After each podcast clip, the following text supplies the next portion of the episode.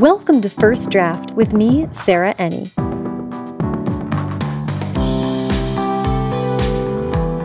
This week I'm talking to S.K. Ali, New York Times bestselling author of Saints and Misfits and its sequel, Misfit in Love, as well as Love from A to Z and its forthcoming sequel, Love from Mecca to Medina.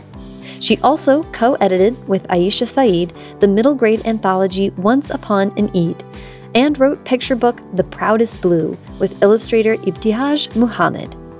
I so loved what SK had to say about how activism led her to take her writing more seriously, on when we shouldn't humanize villains, and how crucial it can be to have characters believe a lie. If you enjoy First Draft, there's lots of ways to help support the show. First and foremost, subscribe to the podcast on whatever app you're listening to it right now, and leave a rating and review on Apple Podcasts. Ratings are awesome, but reviews get read in the end credits. So if you want to hear me say your name, take the extra minute and leave a review. You can donate directly to First Draft on a one time or monthly basis at PayPal at paypal.me slash firstdraftpod. Every cent goes towards producing this independent podcast, which will always be free. The show notes for this and every episode are packed with great links to everything the guest and I talk about, and that's also a great way to support the podcast. First Draft is an affiliate of bookshop.org, so whenever you buy a book through a link on firstdraftpod.com, part of your purchase goes to support the show and supporting independent bookstores at no additional cost to you. And while you're at the website, be sure to sign up for the First Draft newsletter and hop on over to the shop to check out t shirts, sweatshirts, dad hats, stickers, notebooks, mugs, all that good stuff. Every purchase from the store helps to keep the show independent and free, and all the swag helps spread the word.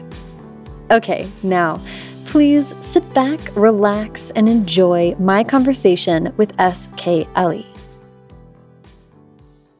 Okay, so I'm so excited to talk today. Saja, thank you so much for joining me. How are you doing today?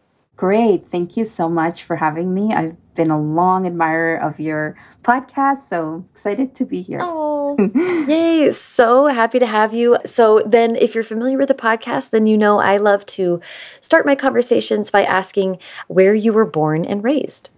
So, I was born in India the southern tip in South India, but I was raised in Canada because um, I came to Canada when I was three years old with my parents.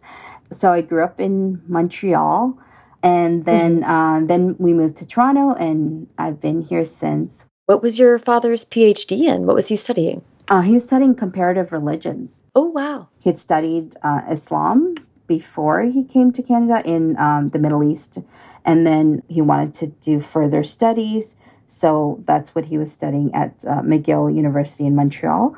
Yeah, so it was like a comparative religions PhD in, with Islam as a focus. Yeah. Oh, that's so interesting. How cool. yeah. um, yeah, I mean, that kind of leads me to my other question because I just love um, hearing how everybody's kind of childhood and, and mm-hmm. growing up sort of mm-hmm. leads to their creative expression later in life. So I'd love to hear about how reading and writing was a part of growing up for you and, and in your family. Oh, yes, that was really important to my family. My father just surrounded us with books because he mm. he was like you know he was always studying and reading i always remember even though you know we struggled financially, we were surrounded with bookshelves. Like that was like a given. When I think about it, just knowing that there was all these bookshelves at home with books that were, you know, or in English, but there was like all these other languages as well. Because we had Arabic mm-hmm. and Urdu and Persian, like Farsi books. Um, so there was like lots of different books that captured heritages that were not the ones that we learned about in school.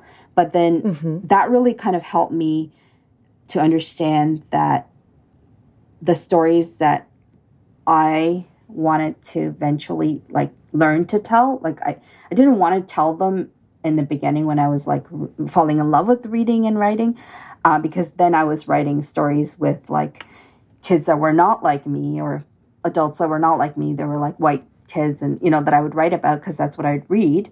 But then mm. eventually when I when I went to university and I started to write more in my own voice and write like accessing my own experiences, part of the confidence in doing so came from those bookshelves like mm. that affirmed that there were other stories that were as valuable and though they weren't in english i just knew that that was part of like our heritage another thing is that my father as soon as he found out that i was interested in it he was very like supportive of it i didn't have like i know sometimes like a lot of like immigrant children sometimes talk about how their parents have like a route that's presented to them as like oh you know be a professional in terms of like medicine or engineering or mm-hmm. law or something. But, but for my father, as soon as he heard that I was interested in writing and creative writing, he was very supportive. He was like, "Yes, that's you know that's like a noble thing." He you know, so I got that sense. Yeah, yeah.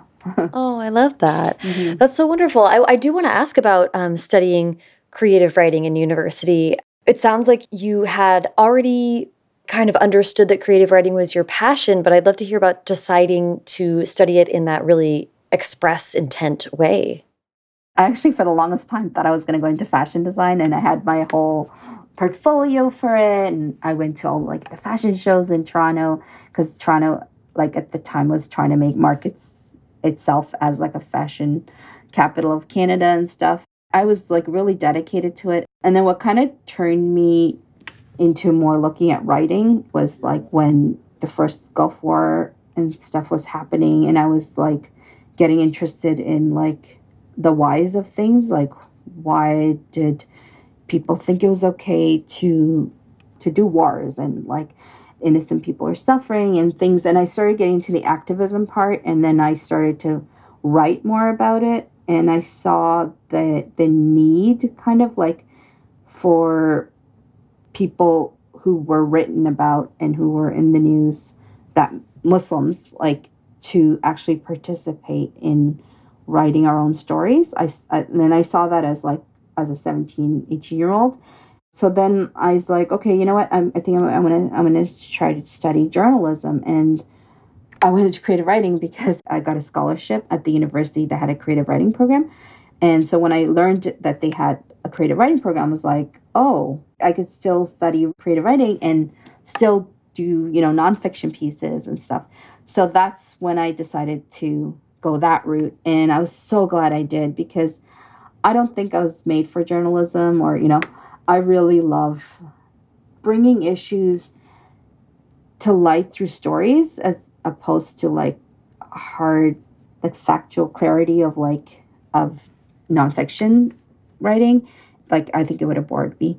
And so yeah, creative writing creative writing just was like, you know, just being around people who also were like into seeing possibilities in like new ways to talk about things, which was what I saw what I experienced in my creative writing program was like I I just exploring a lot of new ways to do things. I love that. I loved it. And so that's how I ended up studying creative writing. That's wonderful. Okay, I love that you got to university, you realized that creative writing was how you were going to express yourself and sort of help. I love that you're kind of even thinking too about audience that early on. Like it's about self expression, but it's also about putting a vision of the world out there or reflecting your experience in the world as a way to connect with other people and engage with like you know the world um, is an important part of being a creative writer i do understand though that the time between studying creative writing and your debut novel saints and misfits that there was kind of a gap there where you i would love to hear about what was happening. Were you create were you writing then were you trying to write? Was there a detour? How what was what was going on in your life at that time? Yeah i'm laughing at the word gap because i felt like it was a cav- cavern. It was like it was it was a long time. I ended up getting married at the end of university. And then I actually had a child. I started to obviously, when you start a family and, um, you know, you need to put bread on the table, you start working. Mm-hmm. And so I, I started working and I don't know, I think maybe this is this this is true for a lot of writers that creativity doesn't really, for me, it doesn't really thrive when I'm like focused on other things that like are more survival things. So I was working and taking care of my um, son and married, and we started little later, we bought a house. And so there was a lot of just life stuff happening. And so in the midst of it, I was like, I'd start things, and I know I just taught a YA writing class. and we just finished it like oh, two weeks ago, and a lot of the people, the students in the class were talking about this thing that I experienced a lot of during those years, which is like I call like, you know, starting the ignition, like starting stories and starting things and then abandoning it because that stamina to like see through a project wasn't happening. But I still I wanted to do it. Like I still had that desire. It just wasn't conducive. Like my life wasn't conducive to the dedicated like the dedication you needed for it. And so the thing that kind of like led me to actually finishing and doing what I initially like I wanted to do since I was a kid, uh, I ended up getting divorced. I was a single mom with my I had two children. Then uh, I have two children. Actually, I have three now because I'm in, I'm remarried with a blended family. But at the time when I was on my own, you know, when the kids would go every other weekend to their dads, I was left to like, okay, first I was like just going out with my friends and just being like, okay, you know, right. I'm, I'm back to being single and like just kind of enjoying that aspect. But then when that kind of died down and stuff, then I was like, okay, so what am I? And I realized that for a long time I had defined myself as just a mother and a teacher as I was teaching. And I just started being thinking about like what was, you know, the things that I really was interested in. Who was I kind of thing. And then I realized like those dreams I had from when I was young, I actually wanted to like try to restart them. I was at a party and we all pitched in for some uh, gift for somebody. And a friend of mine pulled out her wallet to pay for her portion. And uh, this little tattered piece of paper fell out of her wallet. And we were like what's that? Because it was like really like ancient looking. And she was like oh this is my this is my life list. And i had it since i was 18 so we were like okay is it a bucket list? What is it? And she was like no it's like the things that you envisioned for your life like when you were setting out in your life and like it's like all the things that she thought like she she would be and she would do and stuff so she shared her life list and we were all kind of inspired by it so, right then and there, we decided okay, if we each thought to our 18 year old self, what would our list look like? And so, at the very top of mine was become an author. I was like, and that was 2006. And then I was like, oh, so this is something we should do. And right then and there, we also made this like pact with us, ourselves that like we would meet up every like at least twice a year to like check on our life list. So it wouldn't just be just within ourselves, that we would actually have some accountability.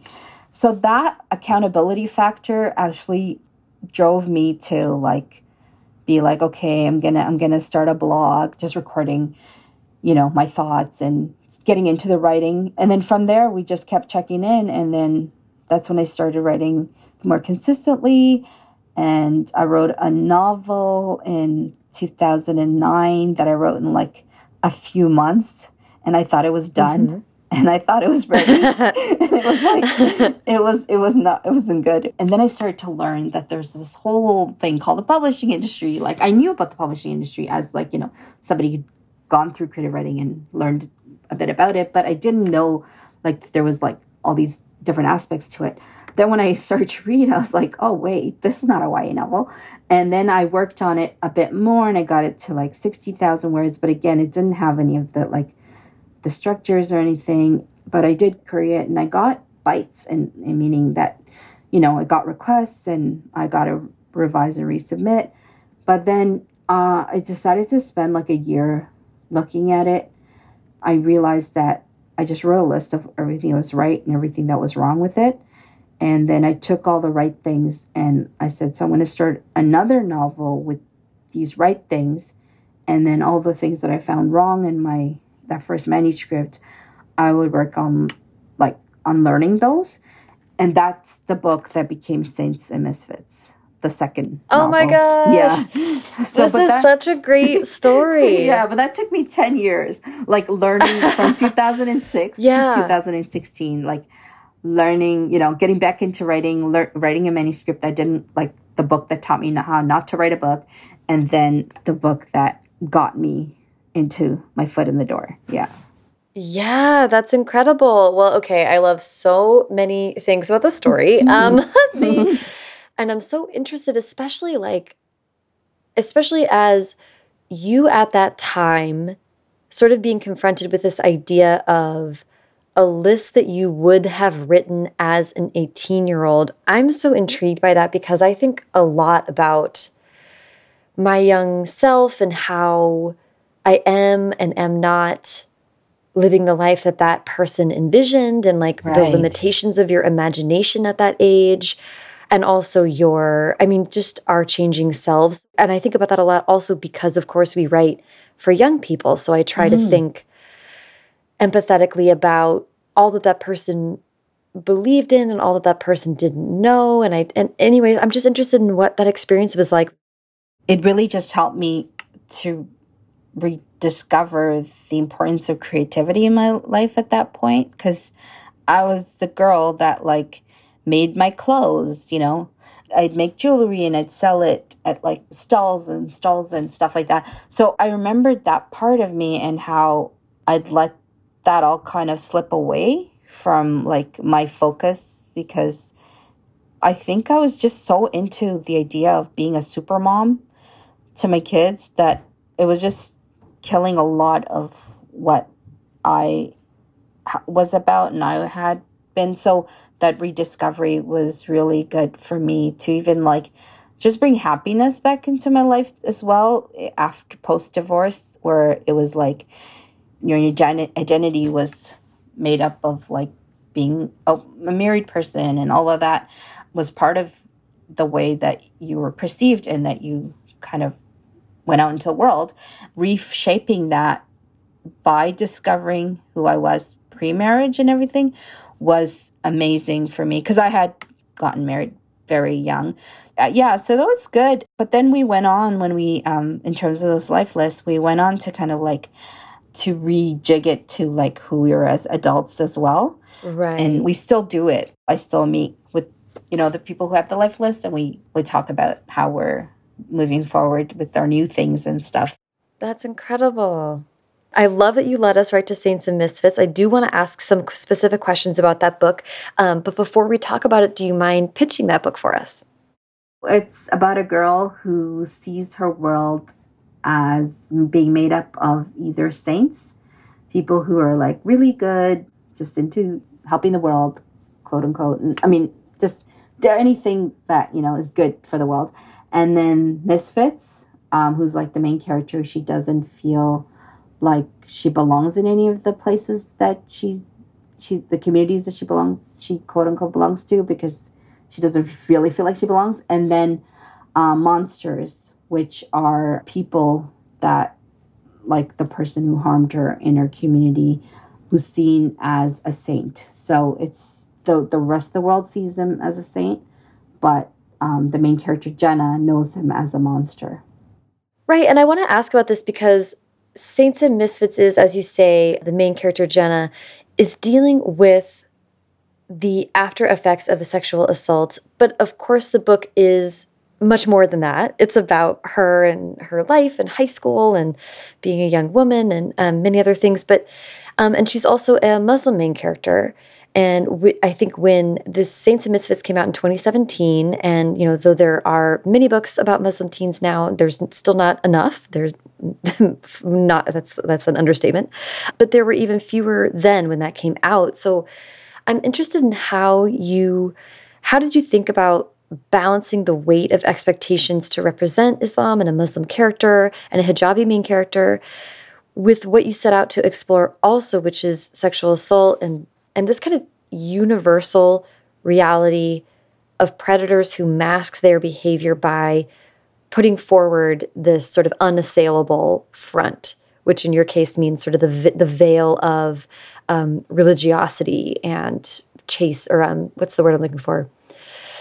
uh just yeah like i mean in the holiness, in the book you say the best the yeah. holiness yeah and, and, saintliness yeah i just would i mean this is a big question but I, i'm just interested in how you thought about finding a balance or tackling those things all in the same book so when i was actually writing i didn't think of those things because i think when you cross over the boundary into being published then you're you know you you realize there's so many things behind the curtain so I didn't like while writing because it took me five years um, to write it while I was teaching full time. So writing part time, it took me that long, and I wasn't really thinking of those aspects of expectations or representation. I didn't even realize that it was actually Saints and Misfits was the first mainstream published book featuring a character in hijab in like North America. There was one in um, in Australia before then. I didn't even realize all those things until it became published and, you know, then started getting interviews and I was like, oh, oh, I didn't realize all those things. So I didn't think of that. And I'm glad I didn't because I don't know if I had, I, if I would have been like just so brave to explore the things that I wanted to explore. I always, you know, I'd been a feminist since I was really young. And so I cared about these issues and I always had. And all my favorite YA have been ones that have very strong feminist, you know, ethos underlying it. So I just knew that that's where my book would hopefully, you know, take its place. But I didn't know and I think I think afterwards I was faced with some what it means to write a book um, like this. And when I got some emails, even when I was like on a panel and somebody in the audience asked me like why are you writing about this when there's you know there's so much scrutiny of muslims already it was from a muslim person but it was like kind of like and, and then i realized the reception from my community um, my muslim communities were like it, it was either like people loved it or people were like upset at it and then I had to really understand why, because I'm a person who's my first identity, I would say, is Muslim. And I'm proud of being a Muslim, and I've always been close to my communities. So uh, that was confusing to me at first. Uh, then I realized as I started to understand it more that there was like a fatigue in our communities of like bad press, I guess. Like, you know, so if like this book that has a hijabi main character, kind of like the first one published in a mainstream, you know, publisher. There are indie published works before mine, you know, I want to make sure that that's pointed out. But as like, you know, a big five published one, people were like, does it have to be about like somebody who's doing something wrong in our community again, you know? Uh, then I, I had to really understand all that. I'm not upset about it. I'm glad I didn't think of those things while I was writing because then I wouldn't have written it. And the book has become very important. There's a lot of now, like, look at spiritual abuse in Muslim communities, and there's a few organizations that have risen up. And one of them in, in Canada that run by somebody I really admire, she's told me she, you know, she ordered a lot of Saints and Misfits to support the work and so I'm really proud of all that part, but I think that because I don't like to ruffle feathers as a personality myself, like my personality doesn't like to ruffle feathers, I think if I had known like that I'd get some of the emails that I did and stuff that maybe I wouldn't have been so bold. So I didn't yeah, I didn't really think about that right. those things, yeah. Well, and I, I mean this has come up a few times on the show of especially debut writers, when you are writing for yourself and you are just expressing the the the things that you're trying to work through in your own life not everybody then is prepared or or uh, it's so different then to have that work be out in the world and be be publicly scrutinized or uh, received however it's going to be received by whoever is reading it. That's so different from writing. It's so different from any other part of this process. So, yeah, my heart goes out to you for having to have that abrupt realization like, oh, it's very public now and people can say whatever they want about it. Um, yeah. And it's actually, yeah. And when I first when it first came out, I actually told my publicist I didn't want to talk about the topic that was in there. Like I was like, oh, you know, for any interviews, can you tell them that I don't want to talk about that part? That was at the beginning, 2017.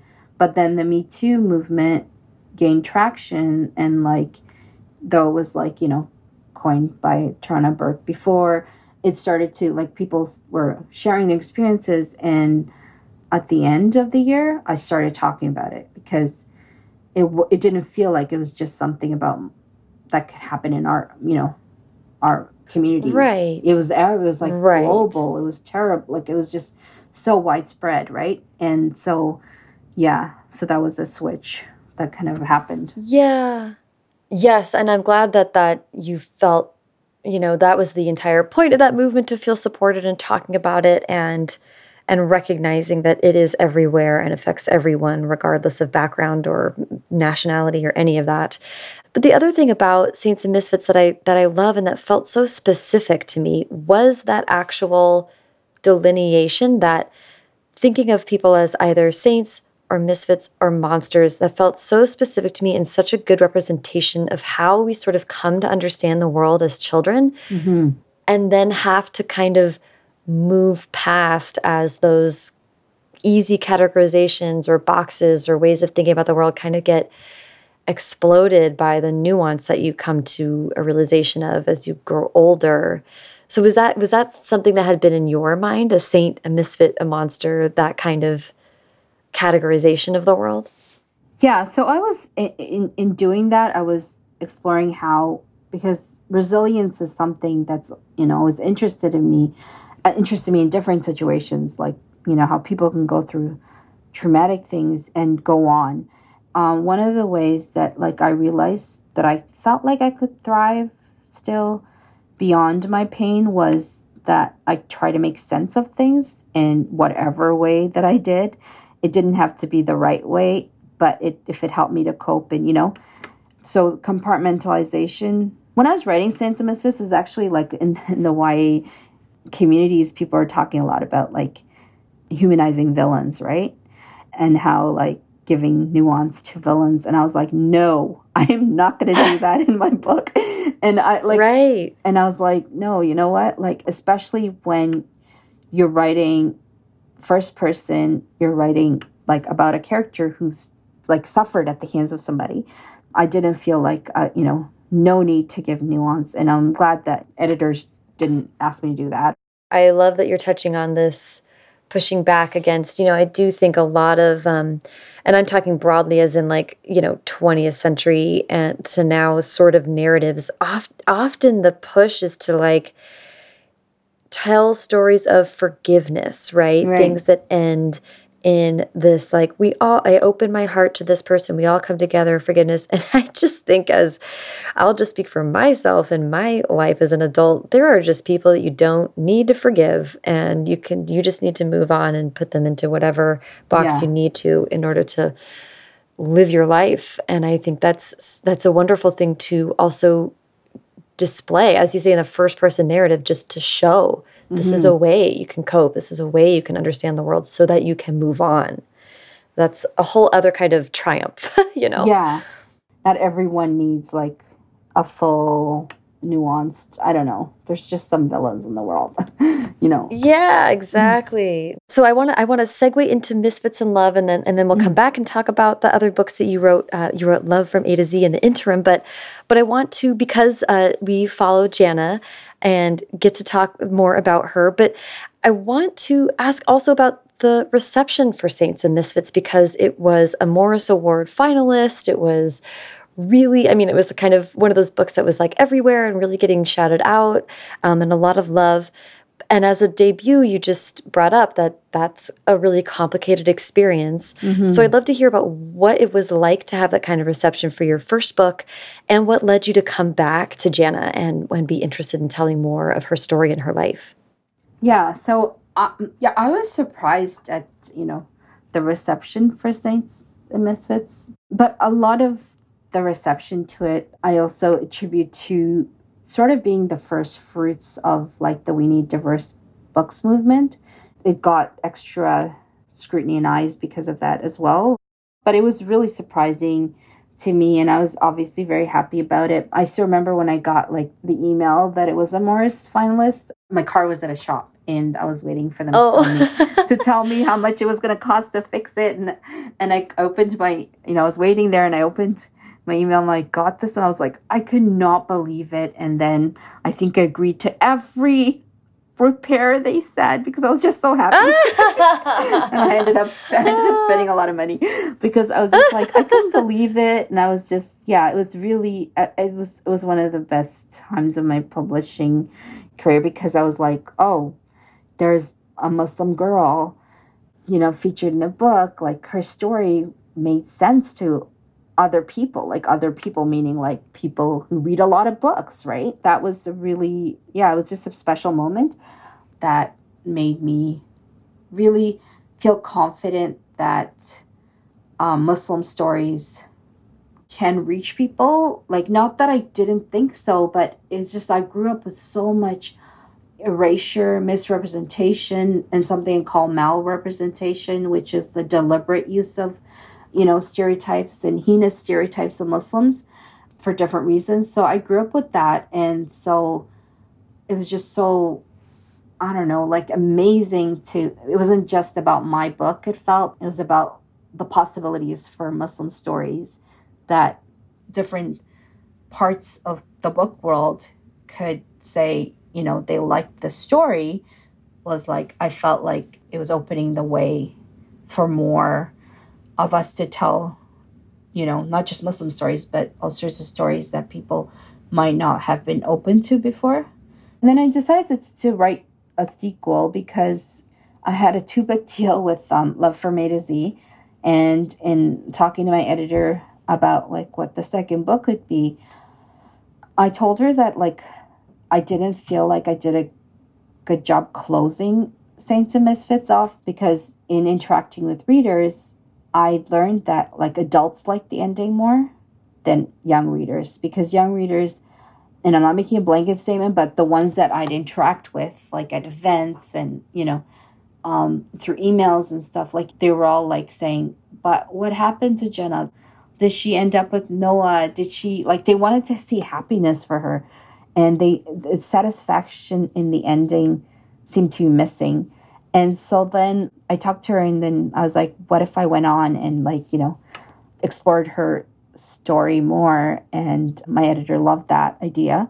So that's what, and I, it was really in response to readers just like still kind of worried about her because right. they were like, it was like to me as like as a writer who's like done creative writing degree and it's very literary kind of focus in in universities I guess uh, with MFAs or degree programs, and so I'd like learn to write a very kind of open ended kind of ending mm. where mm-hmm. not everything is tied up in bows, and then to learn that like because I write for young readers and and I'm committed to that. So to learn that there was a worry about a character you wrote, I didn't like that, and I was like, okay, let me let me set her next book like the second part of her story to a very joyous event where you get to see her like kind of like how she's processed and moved on a bit more two years later that was the reason i chose like the specific things like a wedding setting and stuff like that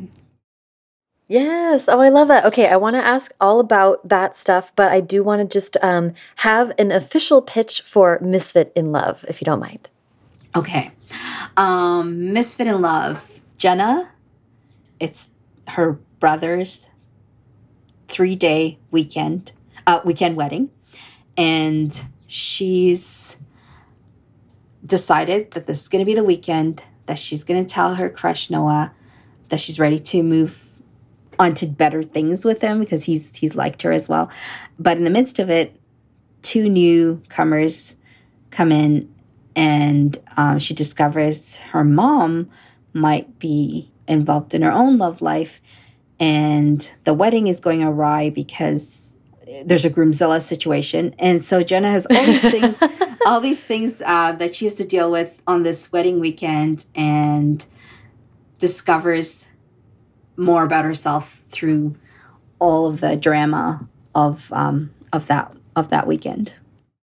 I really love how you're talking about the decision to come back to Janna and and again it's it's so interesting to have an audience so firmly in mind when you're kind of setting out to tell the next stage of this character's journey. Did you feel like you had a grasp on where Janna went or were you kind of coming up whole cloth with what with what happened or did you have a preset notion of how the rest her next 2 years were going to look? Um no, I I didn't cuz I'm not a plotter or outliner, but I've learned to be since I wrote my first book that, you know, um, outlining is very important if you want to save time. So I had originally thought I'd write kind of like a love story in terms of her getting together with Noah. who'd been there for her in Saints and Misfits. But then, um, on speaking about it with a friend, a writer friend, she suggested that I really look at some of the issues that happens with you know intercultural relationships in mm-hmm. in different communities and you know specifically the muslim community some experiences that people have had and stuff. So i decided yeah you know what? That would be a good thing to do especially since i i knew that janna wouldn't wasn't ready for love. Like you know she's 17 but love in like if you're a like a practicing Muslim who's, you know, has the commitment to like the way relationships evolve by the faith's kind of expectations, you kind of have to be more mature to be ready for that. And so, um, though she felt it, I, as a, you know, the author of her, knew that she wasn't fully ready. So I knew that, like, you know, even if I had made Janna and Noah get together, it wouldn't be at the level that she had envisioned it. So I felt okay kind of changing that route and just opening up her mind to the possibility that she didn't need somebody to complete her, you know, like she didn't need that idea of like safety by being coupled. And I wanted to explore it because, especially as a young person who doesn't date in the way that dating happens in you know our societies here you can really feel like if you're not in a relationship that you're missing out you're losing out or something you're like you know to a misfit right? Like i wanted to explore how you can kind of like take yourself out of that mindset um, through experiences. I, I do want to ask about you know as you said, you talked to a friend, and then that gave you the inspiration to talk about racial discrimination within the community, within with, and just uh, intercultural relationships. That's such a perfect way of saying what you kind of explore in here. And it's not only her talking about the realities of what it means that Noah is a, a, a Black Muslim and her love interest and talking about his experiences and, and learning to, to sort of have those difficult conversations with her family and people that she loves. And she's also learning to see her mom in a as a human being, as a flawed, imperfect human being who is seeking love and um, after divorce and all. So there's so many layers going on. So I'd love to hear about what it was like crafting realistic but loving relationships like that. Yeah, so while I was writing this, though I had started, you know, writing it in 2019, there's been a lot of conversations about racial justice and though it's agreed upon that we want change and we honor societies to have lasting change, I knew that at the same time, in order for like change to obviously happen, there has to be change from like the smaller circles in our life that was something that I knew kind of had to happen. I, I knew had to happen in order for people to move forward. And so I decided, in terms of like just young people, you know, how do you deal with that uncle that says stuff or, you mm-hmm. know, like at the mm-hmm. Thanksgiving, Thanksgiving dinner, like that's right, a very you know, right. cliched example. But how do you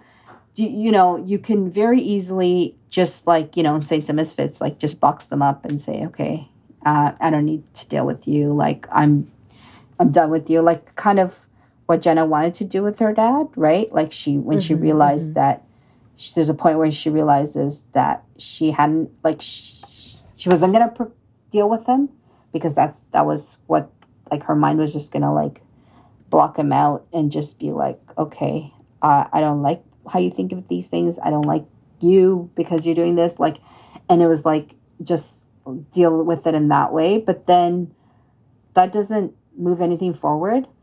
That really also like these conversations like came from like also, you know, my editor, uh, because uh, I actually initially wanted Janna just to like block her dad and just be like, okay, you're not like somebody that I want to, you know, deal with.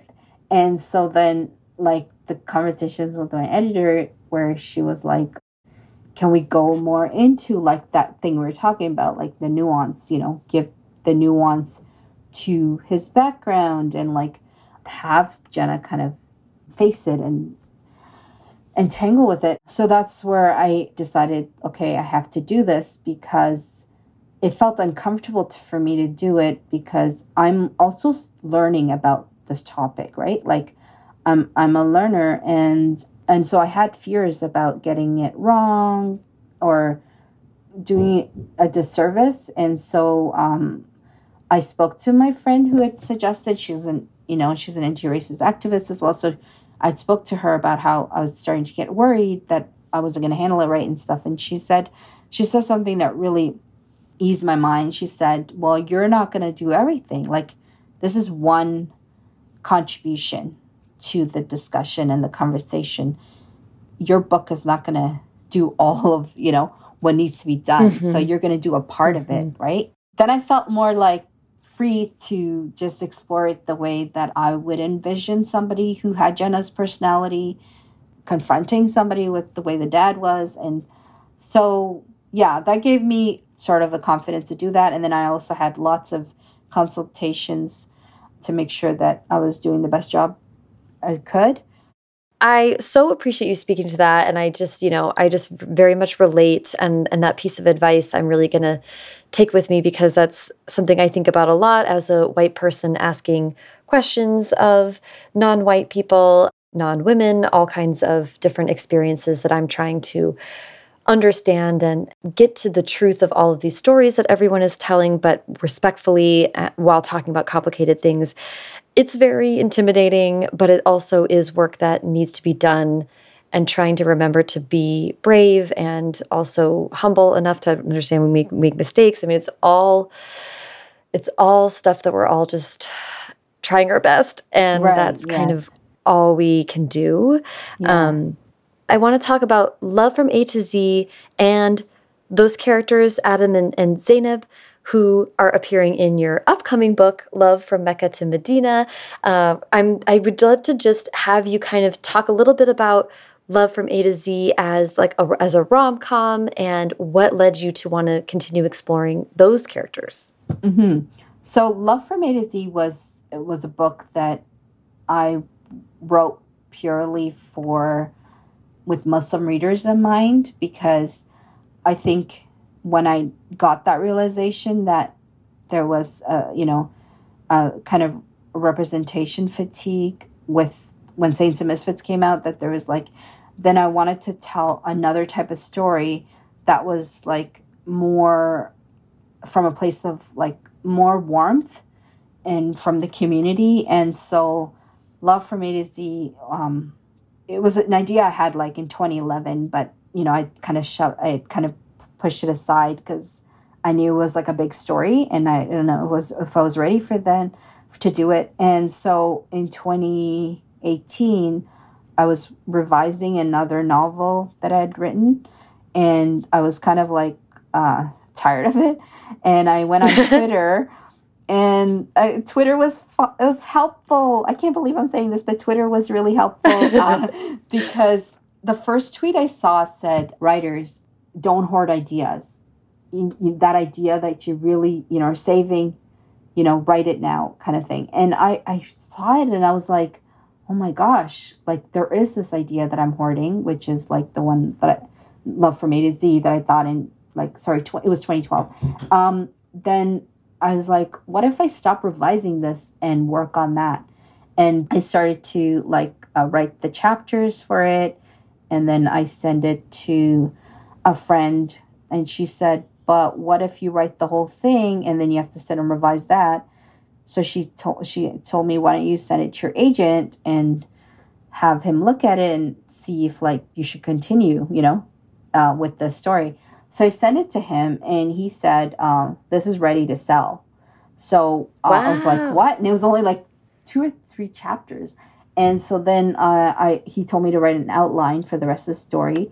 So I did. I did an outline, and then I sold that like two weeks later. Like I yeah, it was just wow. like yeah, it was just interesting because it was like I'd been working on the other novel that which I thought was going to be my second novel for like a year and a half and then this one I wrote in like 2 weeks and that's the one that, yeah. But yeah, for Mecca to Medina, it's my most kind of like loved book from the books I've written. I get messages and emails every day about it. I decided, well, like, if people want to know more about these characters, and I love writing them. I love writing Adam and Zainab because they're just so it's just fun because they're they're not they're so the opposite of each other and because I get bored fast as a writer, like when I'm writing their chapters, it's just fun because like when I get bored of one voice, I can just be like, okay, now it's Adam's turn. It's like just, just great to flip between them. And so then I, I, you know, I just, my publisher wanted another um, novel and, you know, I just thought of like another, a way to continue their story, which, but still attract new readers. Not a straight sequel, so that's why we made it like, um, I made it so that it's set at a pilgrimage. I would love to just to wrap up with advice I want to ask your advice from the point of view of someone writing contemporary that tackles a lot of different subjects at once without losing track of the emotional arc of your characters. That's really a challenging thing to do. So I'd love to if you have any advice for new writers who want to tackle a lot of things at once and but like I don't know, do you have any, any advice for how to keep all those things up in the air while concentrating on your character's development? Um, yeah, so some advice that like I learned was to make sure that you know this might be very basic as well. So I apologize if everyone's like, "No, I love we that." We already know this, but like, um, it's just to make sure that your character's arc is plotted in terms of internal goals and external goals. So I, I'm very like loose and basic when I do it because again I'm a pantser and I'm always learning to be um, you know more outlined. But I always try to envision my character at the beginning of the book, her state, and then at the end of her the book, her state is gonna be a different state, obviously. So I try to do that in terms of like the character's diverse goals. So like she's gonna have she or he's or they is gonna have an external goal, and knowing clearly where that external goal ends up at the end before you start your book is very important, and then knowing your your character's internal goals, um, whether it be one or more, because she might have internal goals in terms of like something that's about her and then she might have internal goals about her relationships and so mm. kind of drawing all those out because i use I, I do a lot of drawing and so i'll just draw a little image of where she is at the end in all of these different you know things that she wants also like figuring out what is like the lie she believes at the beginning so for uh, or he or they believe at the beginning, like for example, in Love from A to Z, Zainab, she believed that the world is never going to make sense for her as a Muslim, like young person, because it seems so stacked against her. And so that's a lie she believed at the beginning. And at the end, the scene that happens where her whole class, like almost everyone in her class, walks out of the class in support of when she walks out as a protest against her Islamophobic teacher, that actually shows her that she believed a lie, right? So having like a firm grasp of like what is like the the lie at the beginning state and then how that's shown to be proven to be false. So these are things that I I work out before I write cuz then you have a satisfying emotional arc and then you can plot the things that support those. So having like a tight hold on those things is very important. Yeah, I love that. And I love that framing of it. That's so helpful. And I think it, it's always helpful when we can think of character and plot not as they're they're not truly separate things. No, no, um, yeah. Even though you have to think about them one at a time sometimes, but it's re- it's so important that they be inseparable, that they yeah. be feeding each other. Um, yeah, the whole way. I that's and I'm always here for practical advice. I love that so much. that's so oh, helpful. Thank you. Um, I, it's I'm still learning. Every time I write a new book, I'm like I actually Google how to write a book. I mean, I mean, I, I, you know, I'm not embarrassed to say it because it's like you always have to learn. Like there might be some new things that people have put out that's better, right? It's and, true. And so anything that can help me, I'm always like I added to. I have this binder that says um, things to do when writing a book, and I could just keep adding stuff to it, and then I just look through it. Yeah. I love so, that. Oh, that's yeah. so great. uh, this has been such a wonderful conversation. Thank you so much again for being so generous with your time. I really appreciate it. Um, and thank you so much. Thank you, Sarah, for having me. Thank you so much to SK Ali. Follow her on Twitter at Sajida Writes and Instagram at SK Ali Books.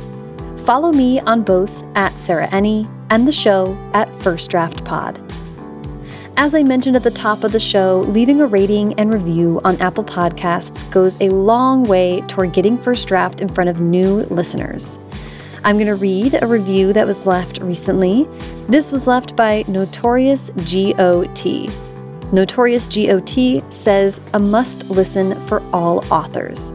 I love this podcast so much. Sarah is such a great interviewer, and the authors she brings on have such unique and diverse backgrounds. It's a must for all aspiring and published authors.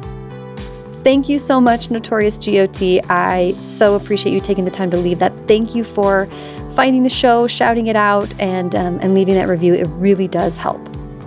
First Draft is produced by me, Sarah Enni. Today's episode was produced and sound designed by Callie Wright. The theme music is by Dan Bailey, and the logo was designed by Colin Keith. Thanks to social media director Jennifer Nkosi and transcriptionist at large Julie Anderson. And as ever, thanks to you, Groomzillas, for listening.